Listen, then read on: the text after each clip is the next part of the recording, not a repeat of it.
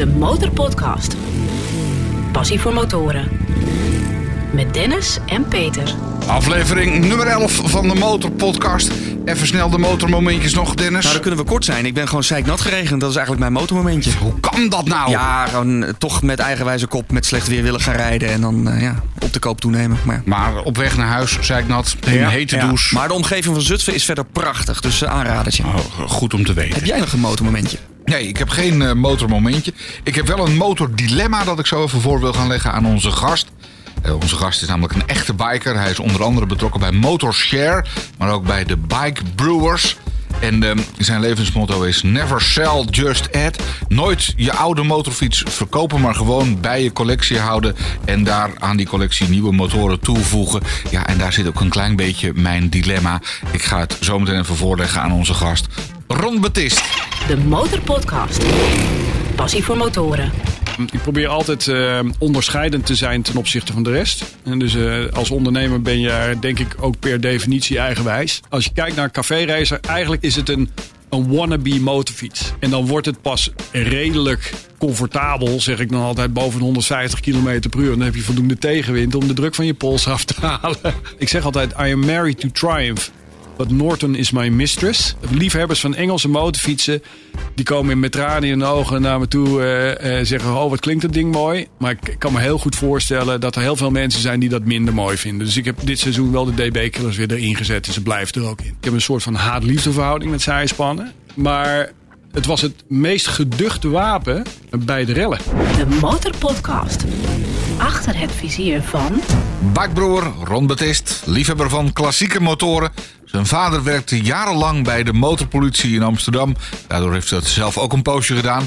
Maar vandaag de dag is hij ondernemer en... Wat ben je nog meer? Ja, ik, uh, uh, uh, multigedisciplineerd, multitalented. noem het maar allemaal op.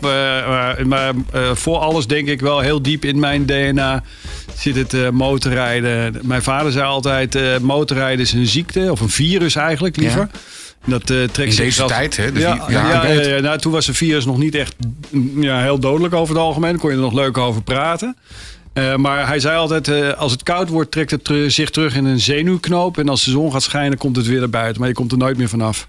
Okay. Maar rij jij dan ook alleen als het mooi weer is? Nee, okay. nee, nee, nee. Ik, ik, ben een, ik, ik rij eigenlijk zomer en winter door. Uh, dat gezegd hebben, dan ben ik wel een notoren slecht kleder. Dus wat jij net zei over uh, zeik naar thuiskomen. Um, een van mijn andere motto's is uh, always ride in style. Ja, die zag ik ook staan. Ja, ja uh, en dat was toen ik terugkeerde van het, de EV-experience op Zandvoort naar Purmerend. was het always get soaked in style.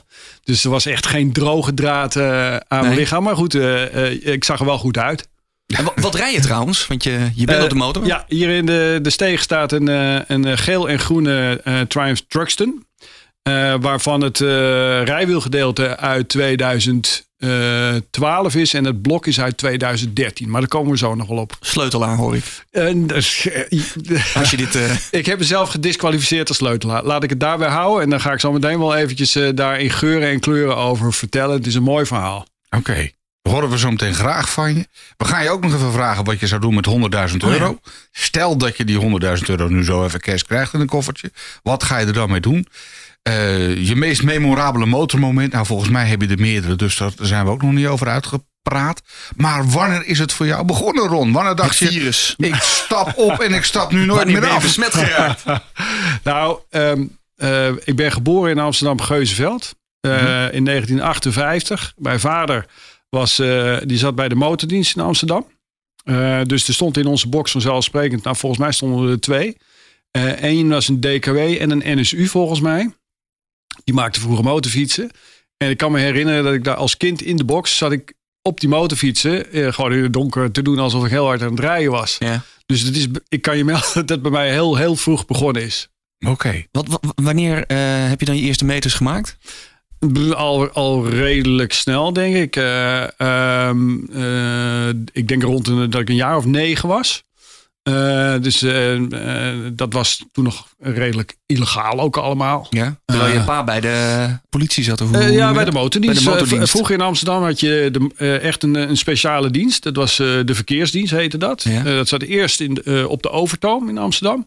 Later op de Anne Frankstraat, achter bureau Eitunnel. En het waren tussen de 60 en 80 mannen die, eh, en, en vrouwen moet ik zeggen. Eh, die niets anders deden dan motorrijden, zomer en winter. eh, met eh solomotoren en zijspannen.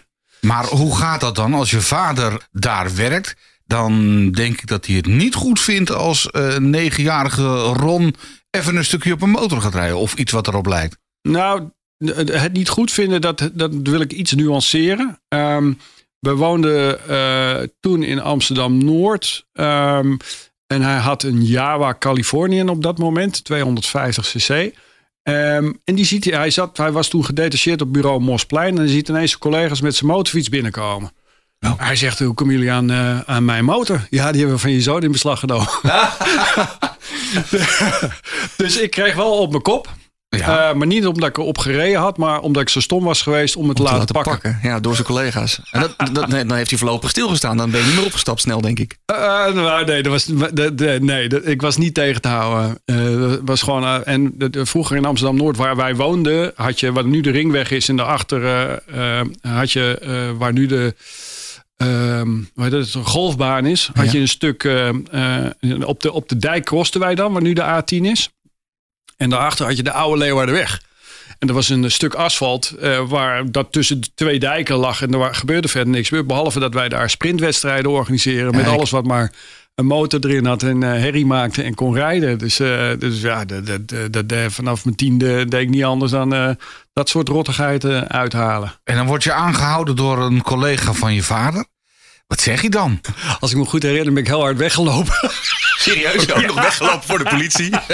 Oh, nee, ik, ik dacht, misschien probeer er dan gebruik van te maken. Dat je zoiets hebt van, ja, maar mijn pa werkt er ook. En, eh, Nou, dat goed probeer, woordje. dat, dat probeer ik nu nog wel eens. oh. Als ik, eh, als, als ik aan de kant gezet word, zeg ik ja, collega van de motordienst vervoegen. En dan geef ik me mijn oude stamnummer. Eh, maar dat helpt niet meer. Want je hebt zelf ook gewerkt als motoragent. Ja, ja, ja, ja dat, was, dat was duidelijk. Hè? Als je vader, eh, hij werd later werd hij eh, chef motordienst, adjudant Betist. Dus een, een legendarische figuur eh, binnen de motordienst in Amsterdam. Hij wordt wel door eh, oud-collega's omschreven als eh, een man zonder angst. Ik weet wel dat hij tijdens de rellen in 66 de bouwvakkersrellen waren, of de telegraafrellen waren, dat, daar is hij gewond geraakt. g- de steen in, zijn gezicht. eh, een gat in zijn wang en al bloedspuwend is hij gewoon doorgereden. Dus dat is echt wat je noemt ja, een ijzervreter. Niet, niet de meest makkelijke man. eh, wel gerespecteerd en waarschijnlijk ook wel gevreesd door de meeste van zijn collega's. Ehm, maar ja, dat was eh, logisch. Eh, joh, jij komt bij de politie en jij komt bij de motordienst. ja, pa. Oké. Ik heb het zeven jaar dus volgehouden. toen luisterde je nog wel naar je pa. Ja, ik, ik heb daar wel ja tegen gezegd. Dus ik heb een jaar op de opleidingsschool gezeten in Amsterdam nog. En toen kreeg ik al twijfels, is dit wel wat ik wil? Ehm, Maar dat, is toch, dat moet toch je droom zijn om gewoon van, van, je, van je passie je betaalde baan te kunnen maken. Gewoon betaald uurtjes op de motor te kunnen doorbrengen. ja, dat wel, maar niet eh, met je vader als baas. Oh, dat. Oh. Eh, dus de, de- de- als het zoontje van de baas moet je altijd de beste Ja, en de snelste zijn. Oké. Eh, dus dat, eh, ja, dat, dat ging een tijdje goed. In mijn, eh, ik zeg altijd, mijn carrière bij de motordienst die eindigde in een hele grote boog voor bureau Eitunnel. Hmm. Dus ik maakte een highsider eh, en eh, kwam op mijn hoofd en op mijn schouder terecht. Moet je nagaan over de kuip heen van die, van die BMW's. Dus dat was een behoorlijke eh, sprong die ik daar gemaakt heb. Drie maanden herstellen en vervolgens concluderen. Nou nee, dit is toch niet voor mij. Dus ik ben, het wordt wel tijd om wat anders te doen. Maar ja, in die tijd kon je nog een hoop rottigheid uithalen bij de politie zonder echt di- direct voor schut te gaan. Ik noem het altijd, mijn persoonlijke hashtag is motorcycle mischief. Ja, dat, dat, dat deed ik toen al. Wat voor rottigheid. eh, Ja, weet je, we reden met zijspannen. Fantastische dingen. EML's. eh, eh, eh, eigen makelij hè, staat het voor. EML, ik weet niet eens of het nog bestaat.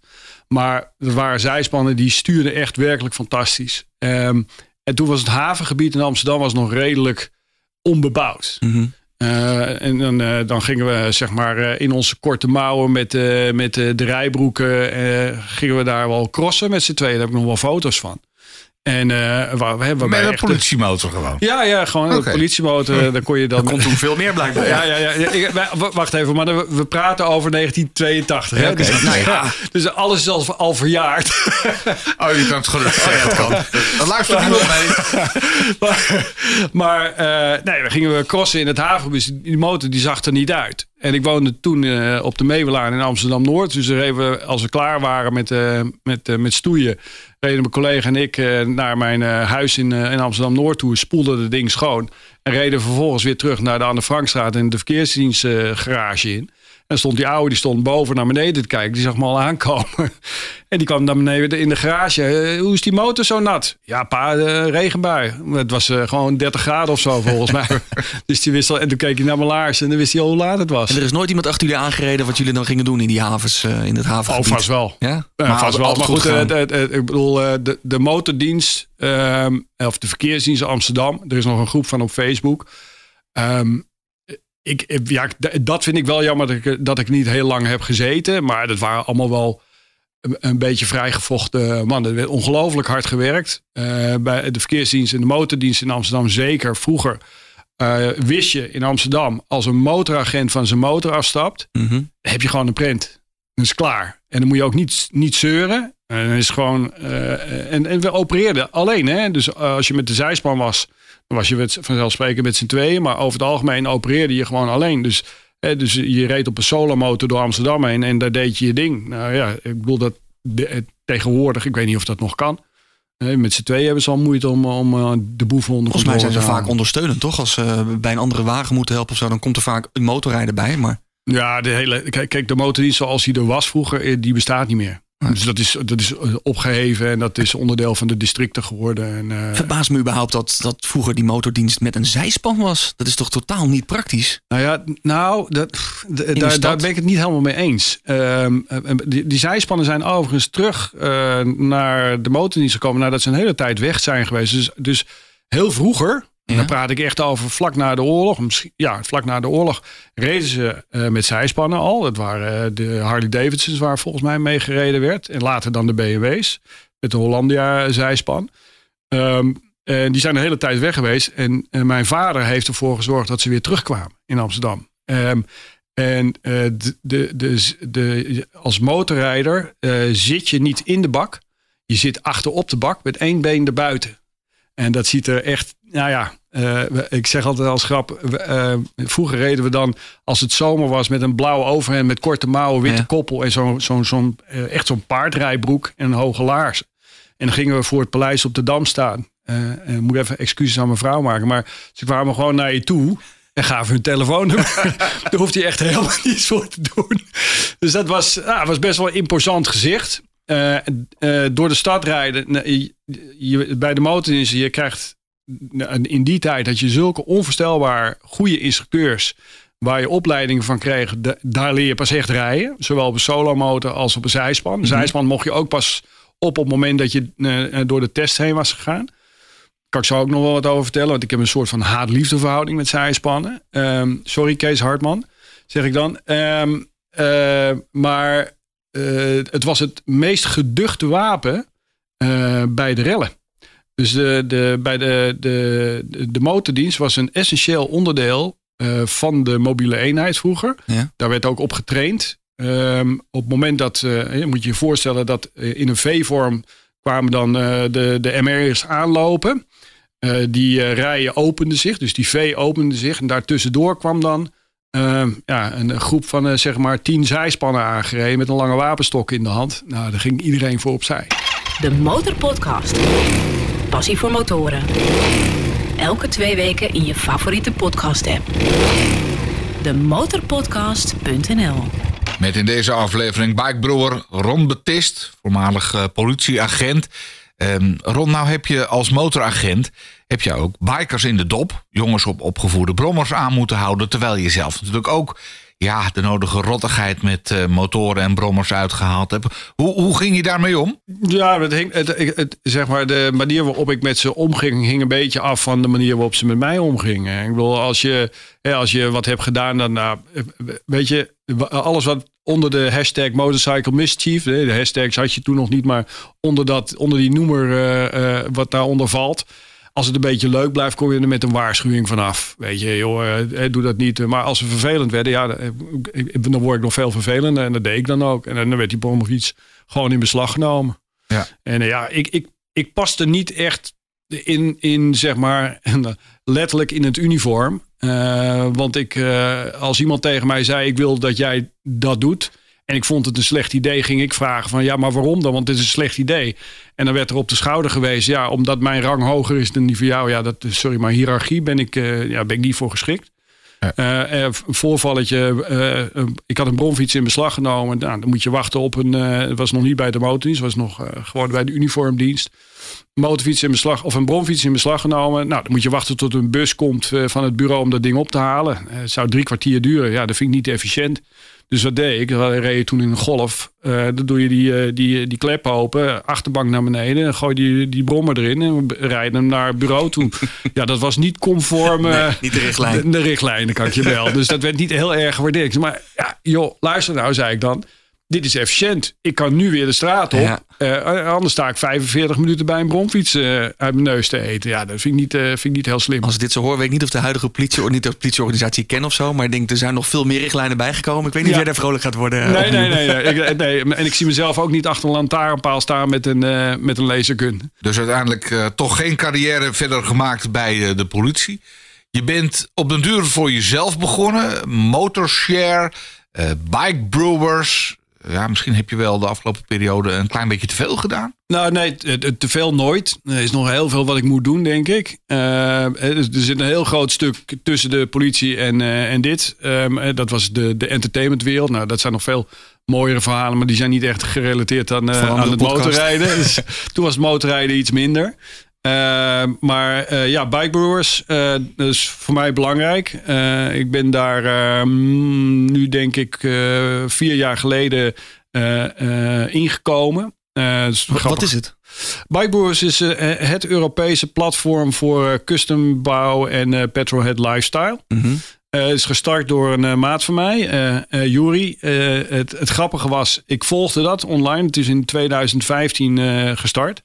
Nou, het zijn posts over alles wat met ja, custombouw te maken. Het verbouwen van motorfietsen, maar met name in de retro-stijl. Dus dan heb je het met name over café races, uh, bread-style, scramblers, ja. noem maar allemaal op. Um, dus ik vond het ontzettend leuk om die posts uh, te lezen. Um, een Engelstalige website. En op een gegeven moment kreeg ik in de nieuwsbrief... Uh, werd er gevraagd van... Goh, is er iemand die de redactie wil komen versterken? Ik nou, dit is mijn kans. Dus ik uh, heb een, een, een, hoe heet het, keurig mijn Engelstalige cv opgestuurd. Een e-mail in het Engels gestuurd. Hoe leuk ik het wel zou vinden om artikelen te schrijven over, over custom motorfietsen. Um, denkende dat deze gast ergens in Amerika zat. Maar hij zat in Hattem. Oh, serieus? Ja. Jury uit Hattem. Jury uit, ja, Jury uit Hattem. Die was dit gestart uit puur hobbyisme. Dus ik moest vreselijk lachen toen bleek dat hij in Hattem zat. Ja. Denk of all places. Um, en je hebt een aantal grote platforms uh, in de wereld over uh, custombouw. Je hebt Bike Exif, je, je Pipeburn, Return of the Cafe Races. Er zijn er nog één of twee. Uh, Bikebrewers neemt toch wel een, een, een ja, een redelijke positie in inmiddels qua bereik. dus ik ben daarvoor gaan schrijven. elke dag, of sorry, elke week een artikel maken. tussen de zeg maar even 600 en 900 woorden schrijf je dan. Over motorfietsen. Die worden aangeboden aan ons met fotootjes en filmpjes erbij. Uh, totdat Jury twee jaar geleden tegen mij zei: Joh, ik, ik heb het veel te druk met mijn eigen bedrijf. Een heel mooi bedrijf op het gebied van het tracen van, van voertuigen. Hij zei: Ik moet me daarop gaan richten. hier heb je het pakket, het is van jou. Nou, dat vond ik ongelooflijk leuk. Ik gezegd, nou, dat vind ik tof en uh, ik ga er echt uh, wat voor maken. En daar, ja, dat is, dat is wel het, het, het, doel, zeg maar. Dus jij bent nu Bike Brewers? Ik, ja, ik ben nog... Het is in jouw goede handen? Ja, ik hoop het. Uh, ik heb daar wel hele snode plannen mee. om, ik probeer altijd onderscheidend te zijn ten opzichte van de rest. Ja. En dus als ondernemer ben je denk ik ook per definitie eigenwijs. Dus als iedereen naar links gaat, ga ik eens eens eventjes rechts kijken wat daar te vinden is. Um, zo ook met Bikebrewers. Als ik kijk naar alle andere platforms, inclusief Bikebrewers, doen we eigenlijk allemaal hetzelfde. Je probeert allemaal net die mooie motorfiets voor de ander zijn neus weg te kapen, daar een stukje over te schrijven en de eerste te zijn die daarover publiceert. Um, maar het is allemaal hetzelfde. Het is het schrijven over een motorfiets, het schrijven over de bouwer en fotootjes erbij. Dat is het. Nou, ik heb dan heel veel sociale kanalen die ik daarvoor inzet. Hè. Dus je hebt de, de, de website, je hebt het Facebook kanaal, je hebt Instagram, YouTube, Pinterest. Uh, en, en, en, ik probeer al die kanalen in te zetten en elkaar te laten versterken. Om ze uiteindelijk zoveel mogelijk traffic naar de website te hebben. En uiteindelijk is de website is dan eh, zeg maar het eind van de fuik. Mhm. Nou, daar moet dan iets komen waar je geld mee verdient. En nu is het nog een hele dure hobby. Eh, en er gaat zeker heel veel tijd in zitten. Ehm, maar het is waanzinnig voor je netwerk. Ik ken eigenlijk over de hele wereld eh, eh, eh, bouwers. En dat worden dan op een gegeven moment vrienden van je. Ehm, en eh, ze vinden het waanzinnig leus- leuk als ik een artikeltje over ze schrijf. Laten we het eens even hebben over zo'n eh café racer. Wat is nou echt de definitie van een schitterende café racer? Wat, wat, wat moet erop zitten? Wat, of juist niet, hè? je moet er een hoop van afhalen. Ja, eigenlijk wel. Hè. Het, is, het is begonnen in de 60 jaren. Eh, dus, dus als klein jongetje eh, was ik daar al mee bezig. En ik, ik had het vanmiddag nog met iemand erover dat ik eh, naar eh, Henk Vink ging eh, op de Stadhouderskade om, eh, om een modelbouws te kopen. om, om, nou, Modelletje. modelletjes te kopen van die plastic modelletjes om te bouwen. Hè, dus daar fantaseerde je al over motorfietsen. Nou, wat ging ik dan doen? In plaats van wat er in die doos had, ging ik het al verbouwen naar wat ik dan blitz vond. Ja. ja, dat waren dan café races. Nou, dat- is, het is, een, het is eigenlijk ontstaan in Engeland. Eh, ehm, eh, de, de Ton-Up Boys eh, eh, in 1959 zo'n beetje is dat volgens mij geweest. Ehm, eh, als je kijkt naar een café racer, eigenlijk is- het een, een wannabe motorfiets. Eh, want wat is het? Het is gewoon een straatfiets. Die met een laag stuurtje. Vroeger werden de stuurtjes omgedraaid. eh, dus dan had je een soort van clip-on. Eh, en eh, de uitlaten werden dan vroeger uitgeboord. En eh, nou ja, er werden, dingen werden eraf gehaald. En er werd een, een, schermpje opgemonteerd. Dat was dan al gouden café-racer. Dus, eh, dus daar is het eigenlijk begonnen. Dus mensen die zich niet konden veroorloven om een echte racer te kopen. Dus zeg maar even een Norton Manx bijvoorbeeld in die tijd. Ja, die, die gingen dan hun eigen motorfiets, de Triumphs en de, de BSA's en zo, gingen ze dan een beetje ja, verbouwen met minimale middelen tot, tot iets wat er blitsen uitzag. En waar, je, waar, waar de meiden wel eh, bij je achterop wilden. Echt lekker lijkt het me niet te rijden. Ja, ik heb wel eens een keer op een, op een soort van café racer eh, gezeten. En toen dacht ik van ja, oké, eh, comfortabel is het niet. Nee, die, ik bedoel, kijk, het, het mooiste is als je clip-ons hebt. Clip-ons, het zijn, dat, dat zit direct op je voorvork. Eh, dat is natuurlijk eigenlijk dat is de, de stijl zoals het hoort te zijn. Het is in de racerij natuurlijk ook. Ja, daar zit je voorover gebogen. En dan wordt het pas redelijk comfortabel, zeg ik dan altijd, boven de 150 km per uur. Dan heb je voldoende tegenwind om de druk van je pols af te halen. daar, heb ik, daar, daar ben ik een beetje gehandicapt, want mijn ene arm is korter dan mijn andere arm. Dat scheelt eh, drie centimeter, mijn rechterarm. Dus ik Custom zit, bikes wel handig. dus, nou ja, ik zit sowieso altijd al scheef. Dat om mee te beginnen. En dan heb ik ook nog door, door het alle, alle, alle vechtsporten die ik gedaan heb aan mijn rechterpols, heb ik ook nog eens een keer artrose. Dus zit ik met zo'n artrosehandje zit ik op die, op die café racer. En als ik dan aangehouden word omdat ik te hard rijd, is altijd van ja, ik moet voldoende tegenwind hebben, anders krijg ik last van mijn pols. En wat zegt meneer agent dan? Je trapt er Daar heb ik meteen. niet zo- heb ik niet zo heel veel mee te maken, vriend. maar eh, ben je dan zo handig? Ben je Nou, sleutelaar? Ja, zullen we daar nog even... De, hoe, hoe ben ik ertoe gekomen om te gaan schrijven? En Je, eh, je, dat is door je eigen beperkingen te leren kennen en te erkennen. Eh, ik had het eh, lumineuze idee... ik denk dat het rond 2014 was... om een, een motorfiets te gaan verbouwen. Ik denk, nou, dat kan ik. Moet lukken. Eigenlijk had ik al een- een beter na moeten denken. Want ik heb vroeger van mijn vader kreeg ik een bromfiets. Dat was een Simplex Skifiet. Die heb ik ook geprobeerd te customizen. Met als, eh, als einddoel dat hij op de schroothoop eh, eindigt. Dus daar was al eigenlijk het eerste signaal van... Nou, Toch proberen. Ronnie is niet echt heel technisch onderlegd. Maar oké. Ehm, natuurlijk wilde ik het een beetje slim aanpakken. Ik wilde eigenlijk dat allemaal op kosten van de, de zaak doen. Hè. Dus wilde, ik heb al mijn voertuigen op de BV staan. Eh, nou, dan kun je dat, dat redelijk eh, eh, financieren allemaal. Zo ook deze motor. Maar ja, ik wilde een tweedehands Truxton hebben. En het is het mooiste als je een tweedehands Truxton eh, als BTW-motor hebt. Nou, die is niet te vinden bijna. Dus wat, mijn oplossing daarvoor was om een schademotor uit Amerika te halen. Dus ik had een schademotor uit de, een schade Truxton uit Amerika gehaald. Ik nou, eh, moet die even een beetje opgeknapt worden om door de keuring te komen. Eh, op eh, Le- op eh, Lelystad was het inderdaad bij de RDW. Eh, en dan eh, eh, op Nederlands kenteken en dan vervolgens gaan verbouwen. Nou, dat was een, een Truxton met nog mooie aluminium eh, kartendelen en een aluminium, hoe heet het, kleppendeksel. Ik ja, het eerste wat ik daarmee moet doen is dat natuurlijk zwart maken. Nou, mijn zoon had inmiddels ook een, een, een, een mooie Bonville gekocht. Die had uh, notabene vergroomde kartendelen. Vond hij ook niet mooi. Ik zei, nou weet je wat joh, dan gaan we met z'n tweeën gaan we van de winter sleutelen. Mocht in de werkplaats van de maat van mij. Mochten we sleutelen. En dus nou, dan gaan we beginnen met die kartenkappen eraf te halen. Dus die kartendelen eraf gehaald. Ik denk, nou weet je, dan ga ik die naar de poederkoter brengen. ik had een gast gevonden in Amsterdam. Die doet normaal gesproken doet die, velgen poederkoten. Ik denk, nou, daar kan ik wel een deeltje mee maken. Dus voor weinig geld zou hij die, uh, die kartendeksels wel uh, gaan poederkoten. Nou, weer opgehaald. Zag er prachtig uit. Ik nou, weet je, uh, ik ga het monteren. Ik was gewaarschuwd. Joh, zorg nou voor. Want ze gaan, voordat ze die dingen gaan poederkoten, gaan ze dat gritten. En dus met de, met de hoge ja, druk wordt dat helemaal schoongemaakt. Ja, ja. En zo aan allebei de kanten. Ja, weet je, een, beetje, een beetje schoonmaken, een doekje eroverheen. En ik had die kartendelen weer op mijn motorfiets gemonteerd olie erin gegooid. Uh, en ben vervolgens daarmee gaan rijden. Nou, uh, even, dus ik ben vanuit Purmerend heb ik het nog gehaald. Uh, over de A10 rondje maken. En vlak voor de Koentunnel hield hij er ineens mee op. Ja, wat raar. Hij houdt er gewoon helemaal mee op. Dus nou, toen ze die motorfiets opengemaakt hadden, daarna in de garage bleek dat er gewoon grit door de motor gegaan was. Nou, je, je wil niet weten hoe dat eruit zag. Alles, alles was kapot. Dus het hele blok was toten los. Dus ja, weet je, het is gewoon alsof je zand in de motor gooit.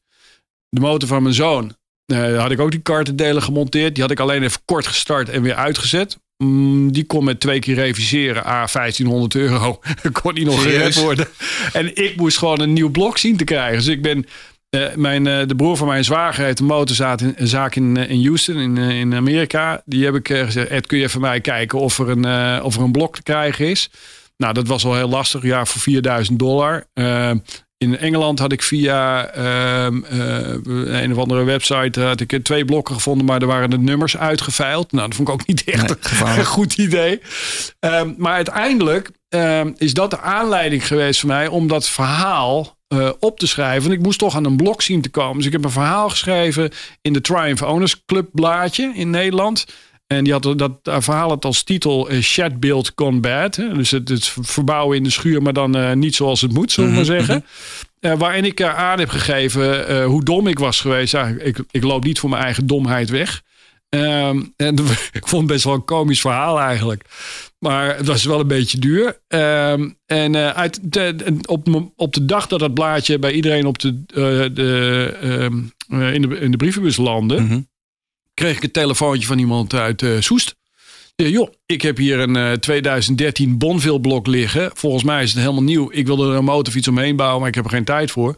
Wil je het van me overnemen? Nou, dan heb ik voor 1000 euro heb ik dat blok uh, op mogen halen en uh, heb ik erin laten monteren. Dus okay. je, je hebt nu een mannetje. Ik heb nu iemand die, uh, die met twee vingers in zijn neus een motorfiets, met name Triumphs, in elkaar zet en uit elkaar haalt. Het is onvoorstelbaar wat die man kan.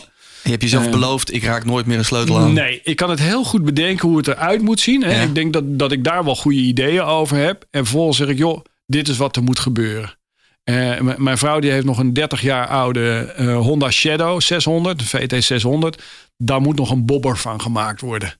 Ik weet precies hoe dat ding eruit moet komen. Dus iemand anders ik, gaat het doen. Ik, ga, ik, ga, ik kan wel heel goed slijpen. Dat kan ik wel. Weet je, dingen kapot maken. Maar voor de rest, uh, nee, moet je echt mij niet in de buurt van je motorfiets laten. Je vertelt het nu met een, met, een, met een lach op je gezicht. Maar als je dit toch overkomt, dan ben je toch gewoon ik ben in zo'n geval een week ziek. Hè? Echt ziek. Als het, als het zo fout gaat, dat heel motorblok aan, aan gort gedraaid wordt omdat ik iets stoms gedaan heb, dan ben ik echt letterlijk een week ziek. Nou, daar ben ik wel geweest. En ik heb ook wel, ik, je mag rustig van me weten, ik ben wel de uber macho. Maar ik heb wel zijn janken. Oké, okay. toen nou, ik, kan er nu om lachen, zoveel jaar later. nou ja, dat, dat is wat ik altijd zeg. Weet je, dit soort ervaringen is ongelooflijk uh, uh, vervelend, om het netjes te zeggen, als het je, als het je overkomt. Maar het maakt wel de mooiste anekdotes. Ja. Weet je, ik, en, en ik heb uit, uiteindelijk is dat artikel, Shed Build Gone Bad uh, hij is een trilogie geworden. Dus ik heb drie artikelen erover geschreven. En uh, dat laatste was uh, A New Dawn. Dus dat, dat, dat, van jongens, er is een oplossing. En dit is zoals die geworden is, die motorfiets. En ehm, ik denk dat het, de, zoals hij er nu uitziet... Um, eh, dat er heel veel mensen zijn die weten... oh, dat is dat groene, groene ding. Dat is van Betist. Dat is zijn motor. En waar ik ook in Europa sta, dan krijg ik Ja. foto's opgestuurd van mensen. hey, je- ben jij daar geweest? Dat is jouw motorfiets, toch? Want dit is zo'n uniek ding om te zien. Eh, eh, dus ja, eh, uiteindelijk is het wel een heel mooi verhaal geworden. En ding gaat ook nooit weg. Waar komt jouw voorliefde voor Triumph vandaan? Ik zeg, de, de, ik, ik, heb, ik heb veel, veel gezegdes in, in dingen die ik gebruik. Ehm, ik zeg altijd, I am married to Triumph, but Norton is my mistress. Ja. Eh, als je diep in mijn hart kijkt, is dat echt mijn allergrootste droom. En daar komen we straks nog wel op. Maar ehm, ja, weet je, Engelse motorfietsen. ehm, bij- Triumph heb je, mag ik het zeggen, twee groepen. Eh, je hebt de, de mannen, de, de sleutelaars hadden we het net even over, de, de- uit de Meriden fabriek. Dat is de originele eh, Triumph fabriek in Engeland. Die zeg maar ooit, volgens mij is die zelfs nog afgebrand. Bestaat dus ook niet meer. Eh, maar dat, dat is waar de originele Triumphs vandaan kwamen. En Mhm. de moderne Triumphs, die komen uit de fabriek in Hinkley. Dus ook als je kijkt naar eh, de, de Triumph Owners Club Nederland. Het valt op zich wel mee. Maar er zijn nog wel twee groepen.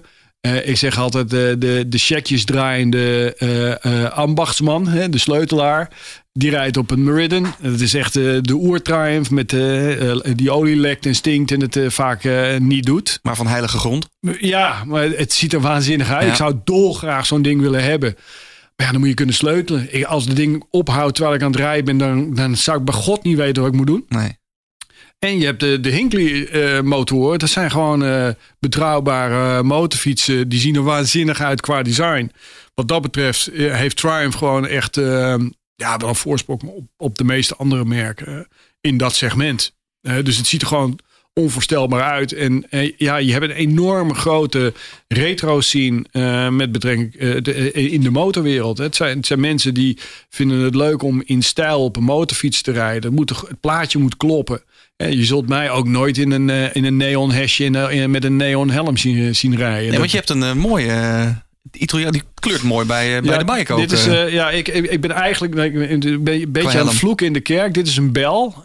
Ik ben inmiddels dikke vrienden met Bel in Amerika. En die hebben me laatst vier helmen opgestuurd Ja. om te testen voor ze. Dit is een, een Bell E- Eliminator. Dit is wel een retro-stijl helm. Ah, ik ben eigenlijk mijn, mijn grote liefde qua helmen is Davida. Dat, dat zit in Engeland, heel klein fabriekje. Die maken de mooiste, de allerbeste jethelmen die je kan, eh, kan voorstellen. Ehm, en die hebben het voor elkaar gekregen om een, ehm, een niveau van geluiddemping eh, te realiseren met een jethelm. Die menige ehm, eh, eh, full face helm, het integraal helm, Mhm. niet kan halen. dat is Dus knap. het is, ja, is echt, is echt bizar. Maar ze hebben het volgens mij heel moeilijk nu. Dus ik ben ook eh, altijd zeer goed bevriend geweest met, eh, met de mensen eh, van Davida. Krijg ik ook helemaal opgestuurd om te testen. Dat is wat voordeel van Bike Brewers. Ik krijg allemaal spullen opgestuurd. En mensen willen graag dat je er wat over schrijft. en, Hoe ehm, bevalt deze dan? ja, deze, is, deze is- zit, zit top. Ik heb vanmiddag ben ik even heb ik gereden met een welke was dat? De DLX. Ja, de DLX. Daar zit MIPS in. Daar ga ik zo meteen nog over, wat over vertellen als dat mag. Ja, Multi-Directional Impact Protection System. Oh. Een Zweedse uitvinding. Eh, ga ik je straks wat over Goeie vertellen, helm. als je het leuk vindt. Helm met airbags. Eh, nou ja, zo, zo, zoiets, maar dan voor je hoofd. Ja. Ehm, maar die moet ik dan testen. En dat zit in deze, zit dat niet. Eh, maar die ik vanmiddag op had, die eh, had veel meer windgeruis dan deze. Terwijl hier gaatjes in de, aan de bovenkant zitten. Ehm, en ehm, eh, eh, bij naar opzij kijken onder het rijden, ving die veel meer wind dan deze. Weet je, dat zijn dan kleine dingen die Mhm. me dan opvallen. Ehm, dus ik ben wel eigenlijk een open face, eh dus een jethelm type. met, een, met een bril. Ik heb altijd de motorbril op en zo'n doek voor mijn neus. En ja, het plaatje moet kloppen. Maar dit is dan ook wel eens leuk. Dus ik, ben, ik heb wel een beetje een helmenfetish. Ik denk dat ik twaalf helmen heb hangen thuis of zo. Ik weet het niet. Je koopt wel, maar je hebt ook ergens geschreven, je verkoopt niks. Ja. Geldt dat alleen voor motoren of ook voor de helmen? Eh, het, het, zou maar aan mijn hart gaan om een helm te moeten verkopen. Ja. Eh, het geldt voor kleding ook, maar wel in mindere mate. Als je mooie, mooie kleding, mooie leren kleding, dan eh, gaat het alleen maar mooier worden naarmate het ouder wordt. hè. Ik heb dat, dat patina gevoel, of patina zoals het in het Engels heet. Ehm, eh, ik heb thuis nog een, uh, een Arai hangen. Ik denk dat dat ding van 1994 is. Die heb ik helemaal laten spuiten in de kleur van mijn motorfiets. Dus die is, ook dat, dat de Racing Green. En dan is het gele blokjes lopen de, in, de, in de lengterichting over de helm heen. degene die het voor mij heeft gespoten, die vervloekte me. Want het was ongelooflijk veel werk om die blokjes net, netjes te krijgen ik ben daarmee naar Arai gegaan en zei: Jongens, zouden jullie die helm weer opnieuw kunnen vullen voor mij? En die begonnen heel hard te lachen. Die zeggen: Meneer, ben je wel goed bij je hoofd? Dat doen we natuurlijk nooit. Want ja, die, die schaal die hard uit. en daar gaat het juist om. Ja. Een helm gaat niet meer dan vijf jaar mee. Vijf tot zeven jaar, dan moet je hem echt wel vervangen. Uh, dus, dus zowel de schaal is uitgehard als, als binnen, het binnenwerk is dan echt wel aan vervanging toe. Dus moet je netjes aan de muur hangen. Dus dat doen ze dat dan. Doe je maar. Ja, in mijn kantoor schuine streep mancave. Hangen al die helmen hangen dan aan de muur. Uh, maar ik heb hele mooie Davida pothelmen nog.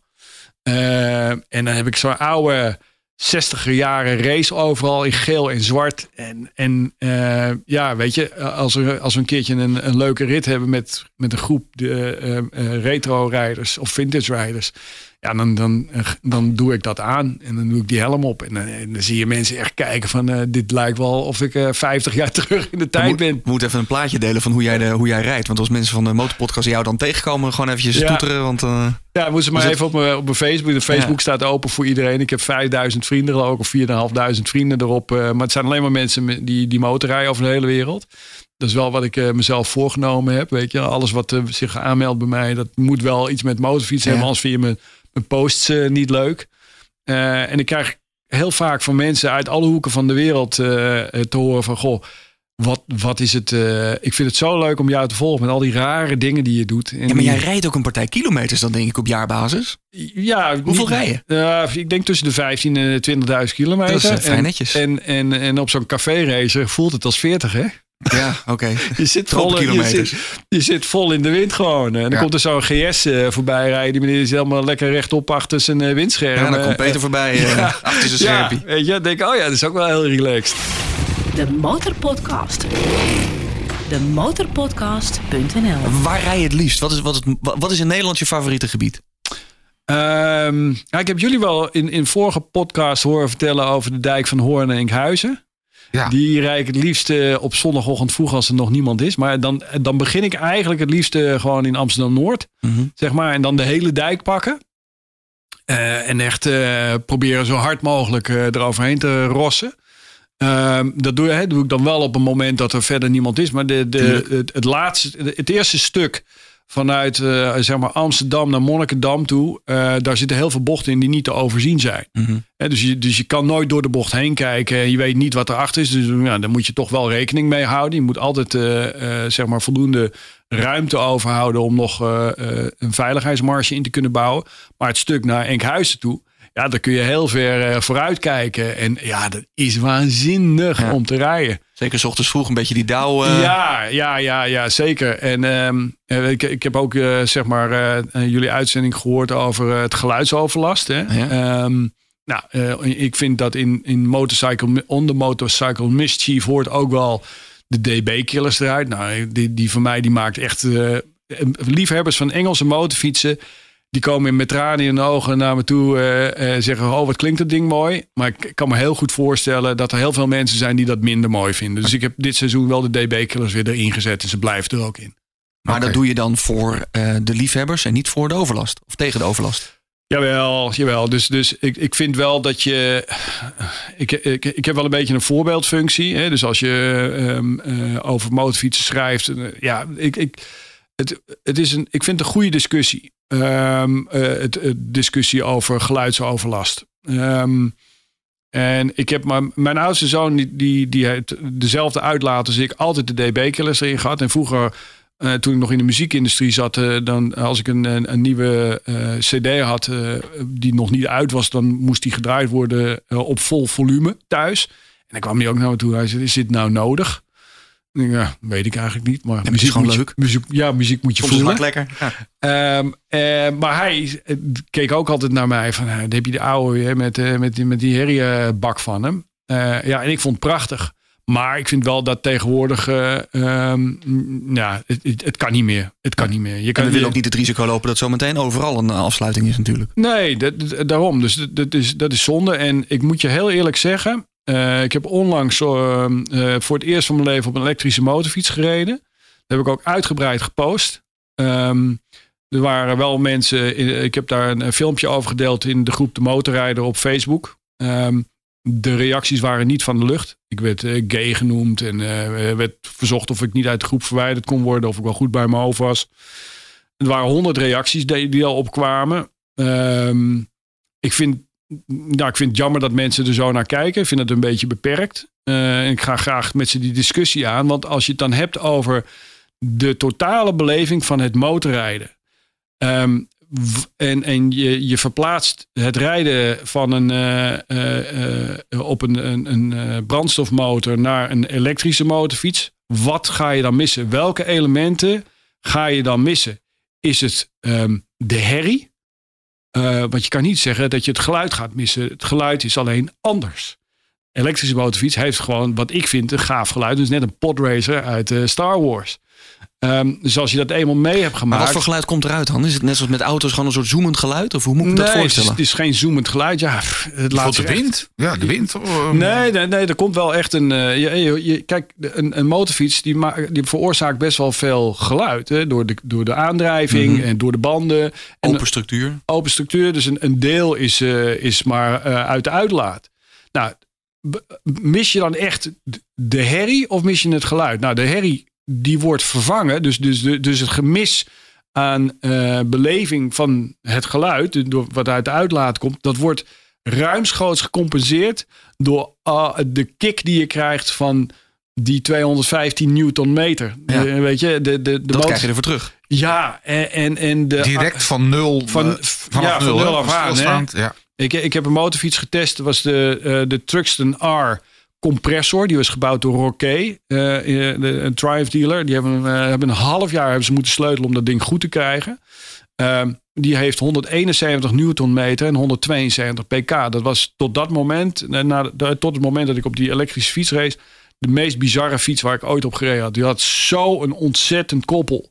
Was, was, was, ja, was met geen pen te beschrijven. Het ding was amper met het voorwiel aan de grond te houden. Dus dat was wel kicken. Ik had Mhm. echt pijn in mijn kaken van het grijnzen toen ik eraf kwam. Ehm, maar ja, die, de, de elektrische fiets is echt de toekomst. En is bent echt, eh, ja, ik, maar, het geldt wel. En dat is voor de, de vrienden van de groep motorrijden. Jongens, maak je geen zorgen. Ook hier, hè. Never sell, just add.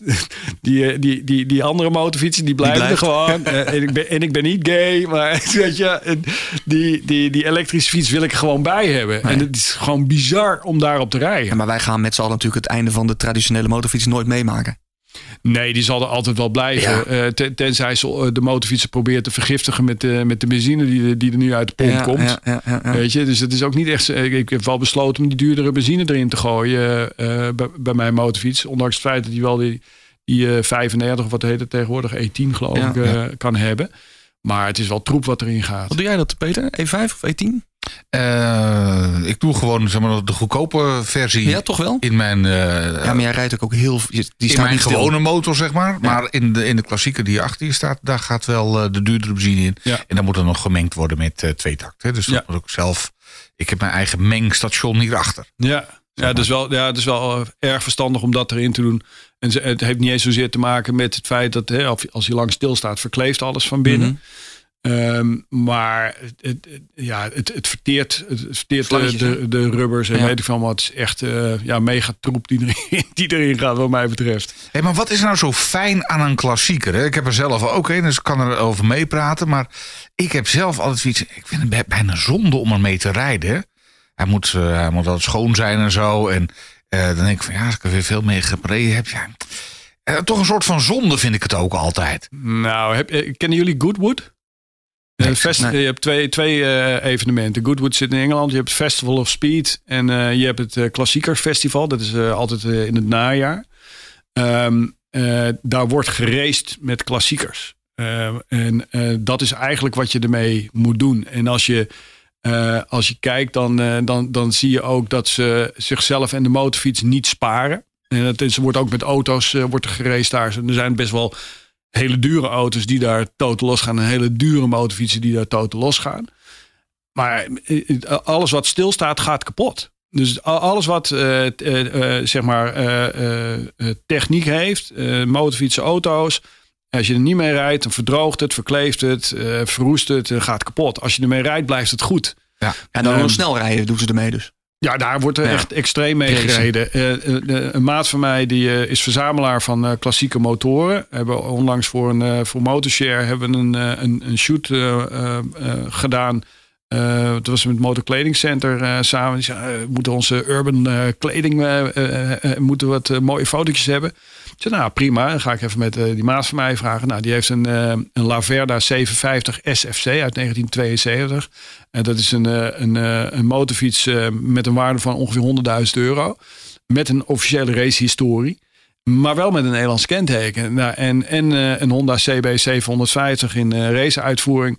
Daar hebben we op eh, landweggetjes rondom uh, Nuenen mogen rijden. Voordat we dat gingen doen, hebben we even de boerderijen in de omgeving hebben we even aangebeld. En gezegd dat we gingen doen. We moesten even wat video's maken. Die dingen maken zo'n ongelofelijke herrie. is bijna niet op de rij op die landweggetjes. Daar, daar moet je echt wel op hoge snelheid mee op, op, op mooie bochtige wegen rijden. Dan is het, het is bizar om te doen. Maar ik was wel zeer vereerd dat ik erop mocht rijden op die Laverna. Nou, en je mooie foto's. Ja, ja, ja, ja. Echt, uh, echt ja, het is zo ongelooflijk ja, kicken. Maar ik wil nog even één dingetje over die klassiekers. Hè. Als er dan wat kapot gaat en je moet zo lang wachten op nieuwe onderdelen. Heb jij dat dan niet? Dat, dat, vind ik dan altijd even een dingetje. Nou ja, ik denk dat mensen die met klassiekers bezig zijn. Je, je hebt de blad uh, Classic en Retro. Dat, dat verslind ik altijd als het binnenkomt. Vind ik echt fantastisch om te lezen. En met name over de mensen die dan in hun schuur bezig zijn. Die maken gewoon die onderdelen zelf. En dat kan ik dan weer niet. Nee, maar dat, dat, vind ik dus, dat vind ik dus de ultieme sleutelaar. Iemand die zegt, joh, dat boeit me niet dat het niet verkrijgbaar is.